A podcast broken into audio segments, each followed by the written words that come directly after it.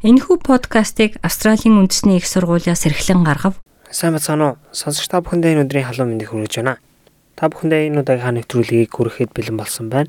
Энэ удаагийнхаа дугаараар Австрали улс коронавирусын дөрөв дэх тохиолдол илрүүлснээ тогтоосон талаар мэдээ хүргэхээр бэлдсэн байна. Хятад улсын Вухан хотоос гаралтай хүлд хүргэх коронавирусын дөрвөн тохиолдол Австрали улсад тогтогдлоо. Уг хотоос ирж байгаа мөн дамжин өнгөрч байгаа зорчигчдыг халдварын шинж тэмдгийг анзаарч харахыг мэдээллийг сэрэмжлүүлж байна. Дэлхийд даяар улс орнуудын эрх баригчид коронавирусын халдварын тархалтыг зогсоох тал дээр арга хэмжээ авч байна. Австрали улсад одоогийн байдлаар дөрвөн тохиолдол тогтогдод байна. Хятад улсаас нисэж ирсэн 3 эрэгтэй одоогийн байдлаар Сидней хотод эмнэлэгт өргөгдсөн байгаа бол 50-ад настай эрэгтэй мөн Мельбурн хотод эмчлүүлж байна. Коронавирус нь одоогийн байдлаар Хятад улсад болон Вухан хотод 41 хүний амь насанд хүрээд байгаа бөгөөд тус улсын удирдлагууд ард иргэдээ тус бүртэнд салган тусгаарлсан хിവэр байна. Сидней хотын эмнэлэгт хүрэгдсэн 3 хүний хоёр нь Вухан хотоос шууд нисэж ирсэн бөгөөд 53 настай эрэгтэй нь 1 сарын 20-нд харин 43 настай эрэгтэй нь Үүнээс 2 хоногийн өмнө нисэн ирсэн байна. New South Wales мужид бүртгэгдсэн 3 дахь хүн нь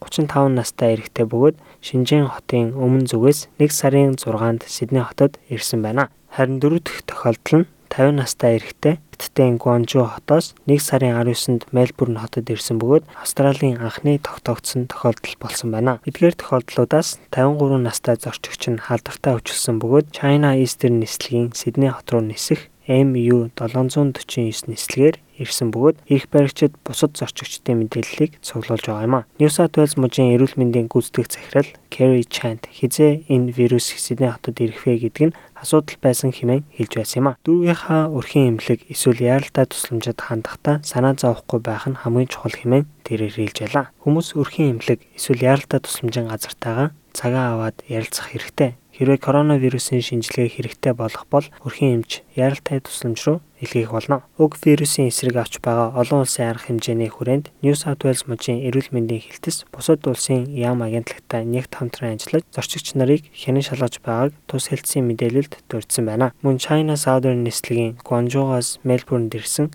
CZ 321 нислэгээр ирсэн зорчигчдод холбогдож сэрэмжлүүлэг хөрвүүлж байгаа юм. Одоогийн байдлаар Хятад улсын эрх баригчид амь насанд аюултай энэхүү вирусыг зогсоох тал дээр арга хэмжээ авч Хубэй дүүрэг Вухан хотын нийтийн тээврийг хязгаарласан байна. Коронавирусын дархалт одоогийн байдлаар Таиланд, Япон, Солонгос, Сингапур, Франц, Малайз мөн Америкийн нэгдсэн улсад бүртгэгдэн тогтоогдод байна. Мэргэжилтнүүд уг вирусын талаар ойлголтоо нэмэгдүүлсээр байгаа юм. Австралийн эмнэлт зүйн захирал Брэндон Мерфи Вухан хотоос ирж байгаа хүмүүс мөн тэдэнтэй ойр байсан хүмүүс ханиах, найта, хоолой өвдөх, огох, бөөлжих, амьсгалахад хэцүү болох зэрэг шинж тэмдгүүдийг анзаарч сэрэмжлэхийг хэлж байлаа. Мөн австралчууд Вухан хот болон Хубэй дүүрэг рүү очихгүй байхыг сэрэмжлүүлж байгаа. Коронавирустай холбоотой илүү дэлгэрэнгүй мэдээллийг дараагийн хадугаараар та бүхэндээ хүргэх болно. Та өдрөө сайхан өнгөрүүлээрэй. Дараагийн хадугаараар удахгүй уулзцаая. Монгол өв уламжлал Монгол гэсэн өрмөц онцлогоо бид хэрхэн хадгалах вэ? Австралийн тэргуулах зэргийн их сургууль болох Австралийн үндэсний их сургууль нь монгол хэлний онлайн курсыг танд санал болгож байна. Монгол хэлийг сурснаар танд өөрийн сурлага, ажил мэргэжилдээ цааш дахин дэвших боломж гарах болно. Монгол хэлийг бүх шатнд сурч болохоос гадна та